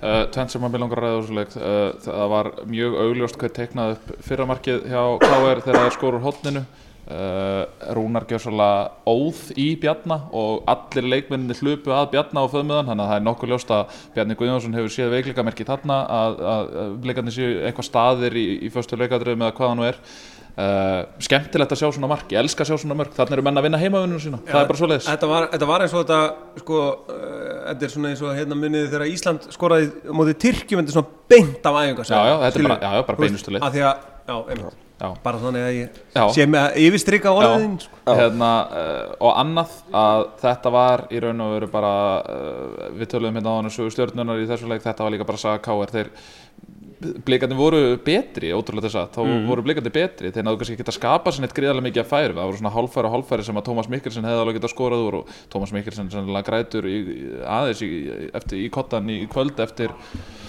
eftir gott jamma. Hérna, hann hefði vel getað klárað hennan guldskó, bara mjög vel. Og hérna, en KR mætti bara í einu leik tóku þrjú stig, punktur. Það er alveg, þú veist, alveg sama hvernig þeir gerðu það og þannig er þetta bara búið að vera í allt sumar. Þú veist, það skiptir einhver máli. stigamæti, Já, skiptir, skiptir einhver máli hvernig þeir gera, hvernig þeir taka sér hana bara svo lengi sem þeir koma, þá eru þeir sáttir.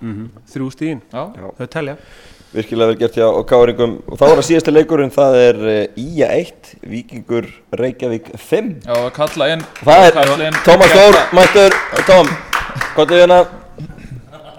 Kallaður inn á bekknum Þú ert að sjá röðan sem verður áðan hér bekk sem þú sagðist já, það var Það alveg var bara Sepa, Halli Björn, Siggi Dúlla, það var bara heitt var Halli viðtalið? Halli, já, já. Sagði hann eitthvað? uh, já, já, hann var reyndar ekki tilbúin að gefa neitt mikið upp um framtíðinu sína. Við skulum orða þannig að Gary Martin tala aðeins meira. Já, Mjög óvænt Byrju, nú var Gary Martin að tróða sokk ofan í alla. Já. Er, hann- eru þið búin að um opna allt. Twitter eða eitthvað? Er hann byrjaði þar? Hann kom með Just a Kid from Darlow og fjóra svona trúðskalla. Það var eitthvað gott sko. Hann er komið með eitthvað kortir í 300 like. Já, já. En uh, Ía 1, Víkingur 5 Þín er menn búin að vera í smá byggarþingu Jú, jú. En það var ekkert ánga sinna til Darby Já, en það var ekki í dag Nei, ég, hérna, hvað er með markasvonum ekki minni? Bara, að- Kvami var með tvö, ótta Já, hvað mikið í, er- verður hann áfram í Víkingi? Tvö mörg í dag. Það stór hefur stíl Já. Alltaf samlingsbundin Eða þú veist ekki nema bara blikarnir vilja losna við hann Ég held að sé svona alveg svona mátulega liðin í Ríkinni, ég held sé svona svolítið erfiður gæði til að vera með svona til lengri tíma Já. Hann er svona Það fer svolítið svona sína leiðir í þessu sko En það er gaman aðan, þetta er ljómandi góðu fótboltamaður Og með svona með skemmtilega leikmönu deildarinnar Þegar hann er á deginu sínum En hérna uh, Það er komið staðfest. Óskar Rapp Þorvaldsson í breyðablík Bæng Ha? Bæng Í alvöru? Já, á, Þetta er ekki staðfest en Nei, fyrir ekki, ég sá ekki það Óskar Þórsson hefur náð samkomulega við breyðablikum að taka við þjálfum lið sem sagði heimildu fótbolti.net Við getum alveg sagt staðfest Ef þá kæla skafumræðina og fara bara í þetta, eða ekki Lifandi podcast, eða Jú, Ég jú geti gert það, því að hérna, ég var náttúrulega með viðtal við Birgir Tjörfa, formann breyðablík, nei, formann gróttu og, og þeir gerði ekki ráð fyrir öðru en að vera með Óskar í brunni. Þetta er högg. Þetta er, þetta er rosalegt En náttúrulega eitthvað sem að maður er búin að ganga út frá síðustu daga að Óskar Rapp sé að fara í þetta og þess þá fara í fullt starf hlýtur að vera, þannig að hérna ef við komum að vinna strákar þá er vantilega að losna núna Pér maður hérna Vís? Nei, Íslandmann, hann er hver er hann? Er Vís, hann er Vís, já. Þeir eru allir þar. Það eru allir á Já, Vís já, Allir sem verður í bolta Já. eru á vís. Hérna, já, ok, vá, þetta er Þetta er er náttúrulega- að þetta- tryggja hjá þetta- Vísa því að þeir hætt allir klúan 12, skilur við, þeir er leikt á. Já, þú verður að fara í bolta hérna. Já, um mitt Maður var, þú veist, þetta er náttúrulega búið að vera mikið í umræðinu Þetta er samt svona þetta er Heldur að Óskar haldi þér hjá Bröflíki? Ég ætla að vona að ég haldi starfinu. Það er hérna, ég tók að vísu enga titil í ár. Eh, Ég vona að ég haldi það kom svolítið óvart. sem Ég þjálfari hjá Krökkum í Mentality. Ég vona að ég haldi, já, já, við Kom svolítið óvart, það ekki? Jó, við gerum jafntefli í úrstæðuleik hérna, orkumótsins. Það, er nú, það er annað ákall sem að þarf að aðeins að fara rétt úr að hérna, við gerum jafntefli í úrstæðuleik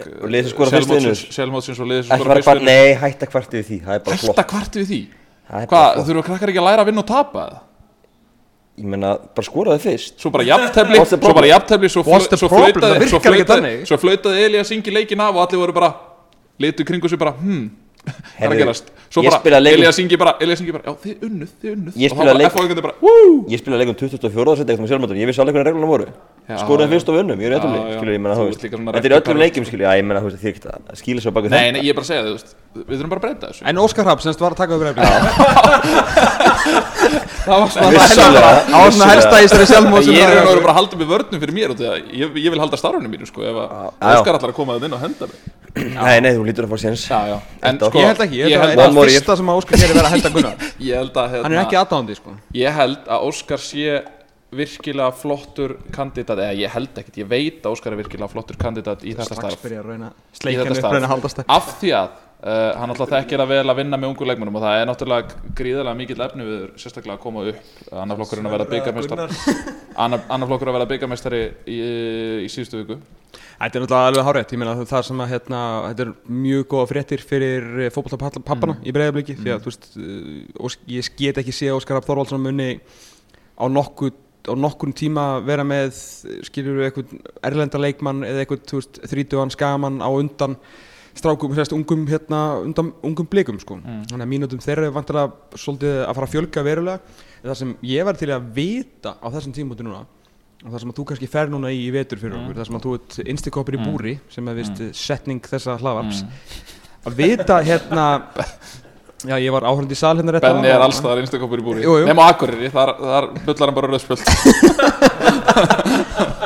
Er hérna er Óskar Rapp Þorvaldsson eða er stjórn Breiðabliks að leitast eftir því núna að bara þú veist skilur keep the machine going halda Mm. hérna jafnvel, gera enn betur láta fleiri unga mengur spila Mm. betri fótbolta þú veist og allt það vera með svona meiri taktíker og kannski bara í heildina mögulega betri þjálfara Mm. við höfum eftir að sjá hvað gerist ég meina Gústi er búin að skila þvílíkum árangri með allt sem er búið að segja um hann eh, gott og slæmt vill Breiðablik er þeir að segja bara þú veist við ætlum ekki að vinna núna Þú veist, vorum, mikið verið að tala um það, þú veist, the win now, hefði það verið Óli Jó, hefði það verið að halda jafnvel Gústa og fá okkur mann með honum sem er kannski sterkar í fræðinni, af því það er náttúrulega Gústi er alveg með hann að hóp, ég meina, þú veist, strákutin elska hann sem mannesku, ég ætla að elski allir Gústa að kilva, þú veist, auðvitað vill Óskar Hrapp Þorvaldsson vinna, en þú getur kannski verið að gefa 16, 17, 18 strákum alltaf sens og það sé alltaf markmiðið og síðan alltaf vinna líka, sko. Nei, nei, Og en, þetta- en, en þetta Óskar náttúrulega gerir það virkilega vel í gróttu en, en, en það er ekki þar með sagt að, að hann geti heimfært það bara allt saman yfir á breyðablík Alls Þetta er mjög góð pælingjaður og þú veist, auðvitað veit maður náttúrulega ímislegt sem maður þorir ekki endilega að fara með alveg strax en ég gerir ráð fyrir að, að það verði svona ákveðin struktúr ha, það verður svona það verði aðeins skerpt á struktúrnum í breyðablík, ég gerir ráð fyrir því með þessari ráðningu, að það verði unnið meira from top to bottom. Það er að segja að það sé einhver þráður í gegnum flokkana að það sé verið að vinna að sömu hugmyndafræðinni sem að eh, kannski út af við hefur, hefur eitthvað vantað örlítið upp á. Og ég gerir ráð fyrir því að með þennan hóp þá verður eiginlega að setja þá kröfu ekkert kannski þá kröfu. Nei, ég meina Gústi Gilvi er í öðru setið tvö ári röð, Já. það er ekki eins og þeir gæti ekki unnið með unga stráka, sko, alls ekki. þannig að ég held að, að En, munur, haldið þeir þessum strákum uh, þá held ég að það verði alltaf krafa um allögu að titla allavega. Já, ekki spurning, það sem að náttúrulega má ekki gleyma að þeir eru náttúrulega ekki allir 12 ára lengur sko. þetta eru margir strákar mm. bara komnir á, á mjög fínan aldur.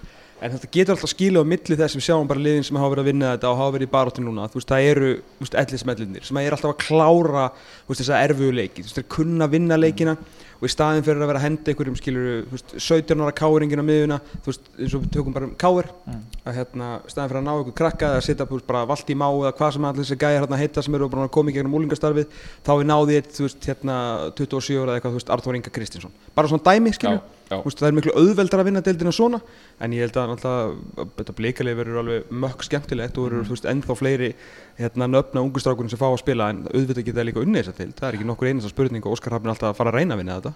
Einn spurning úr Sala það að var hérna Gaur sem kom inn á áðan fættur 2004 Kristján. bróðir Hvað- Ágústar Eðvalds. Þekkir hann eitthvað? Já, Do you hann know er, his story? já, Hann var bara hjá Norsjöland í, í vikunni. Hann er ótrúlegur leikmaður. Hann, var, hann var á reynslu hjá Ajax skoraði ég held, hann, ég, ég held ég hafi skilið þetta alveg rétt að hann skoraði tvö mörg í tveimur leikjum með Ajax. Og það var held ég einhver vilja að utan fyrir því að fá hann. En uh, ég án þess að vita nokkuð um það þá myndi ég halda að, að, að þeir feðgar velji betur núna eftir sem sagt, ágústar. Ekki það að það hefði gengið eitthvað illa hjá Ágústi. Fór náttúrulega fyrst í Norvits, uh, gengur ekki upp þar. Fór í Bröndby, gengur raun og verið ekki upp þar og, og síðan blóðstar hann í Víking. Hann Þannig að- kemur endalust við boltan sko.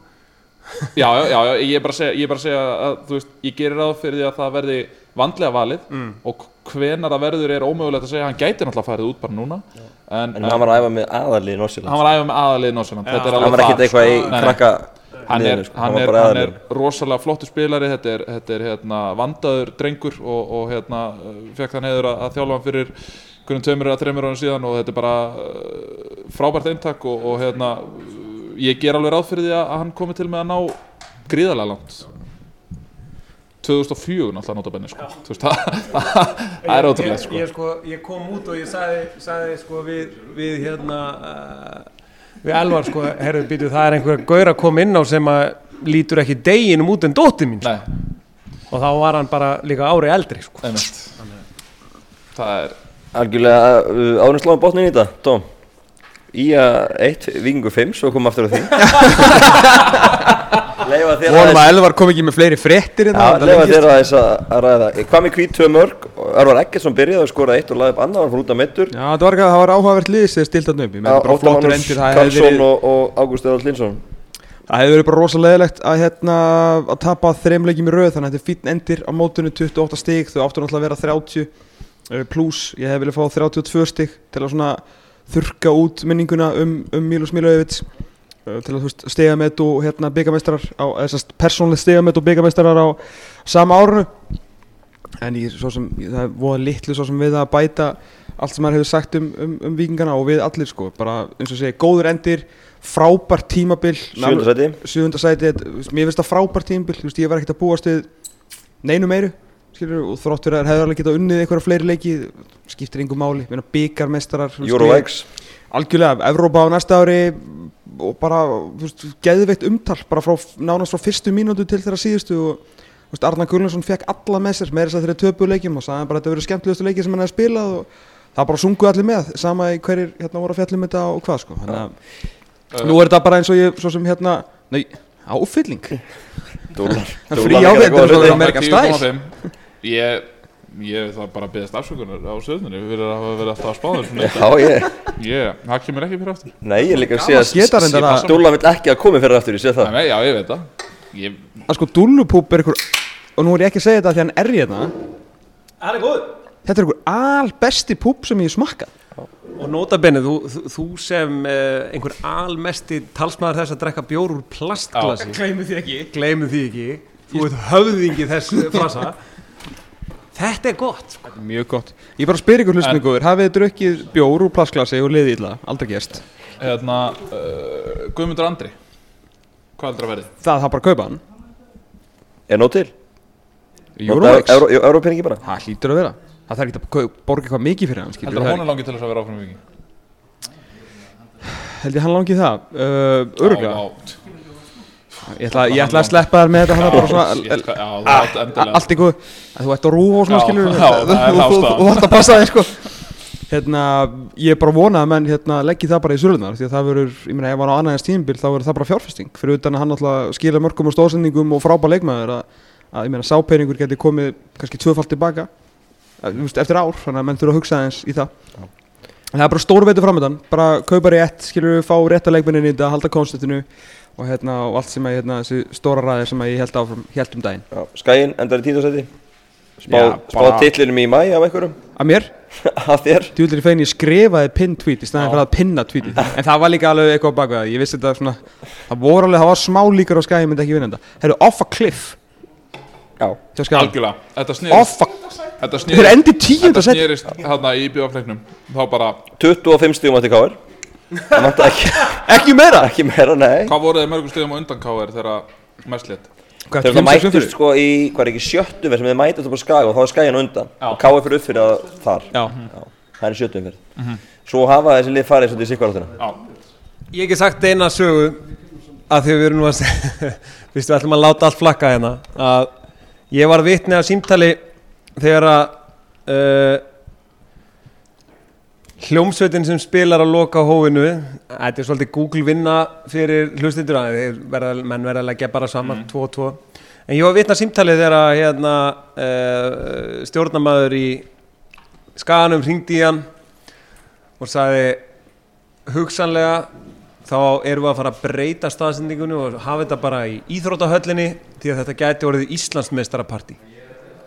Það voru allir sem að fóru fram á sér Er það ekki? Já, já. Jó, já. Æ, ég menna við ætlum að ráða náttúrulega Jóhannes Katt sem landsinsþjálfara Það var í raun og veru bara næsta skref hjá Já, okkur. Áður en Hamrið fór að vinna líki Já, Áður en að vindillin fór upp. Já, áður en vindur þetta ekki fram er Herru, tókuðu eftir hérna sölutölum á vindlum eftir þetta?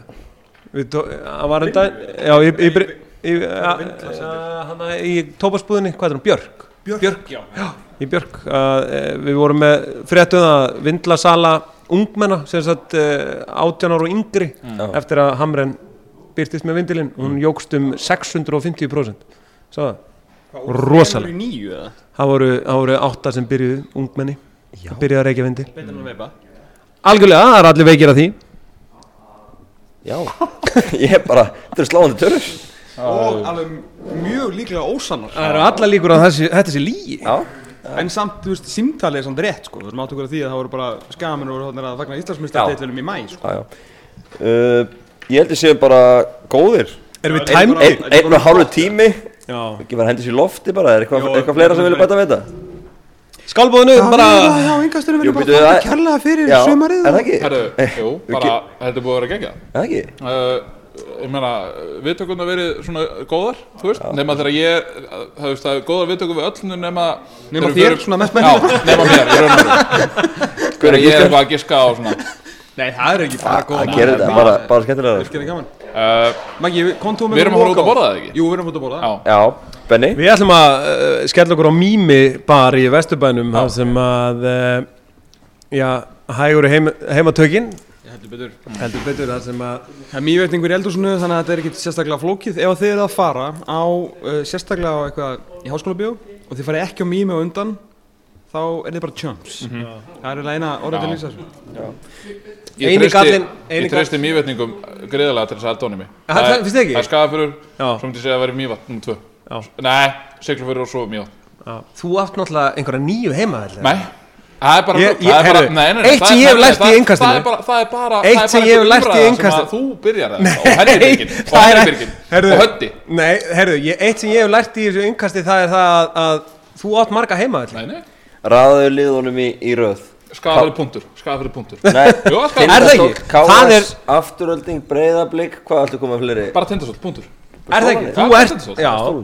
Það er bara stólanir Hver er drottningin í Reykjalið eins og ég og Baldur Sig, skiljum, Baldur Sig er uh, okkar stolt. Já, það er, drott- það er kongurinn í sæmyndahliðinni að germyndu Valdís Býr á germyndastöðum í sæmyndahlið Já, Kongurinn.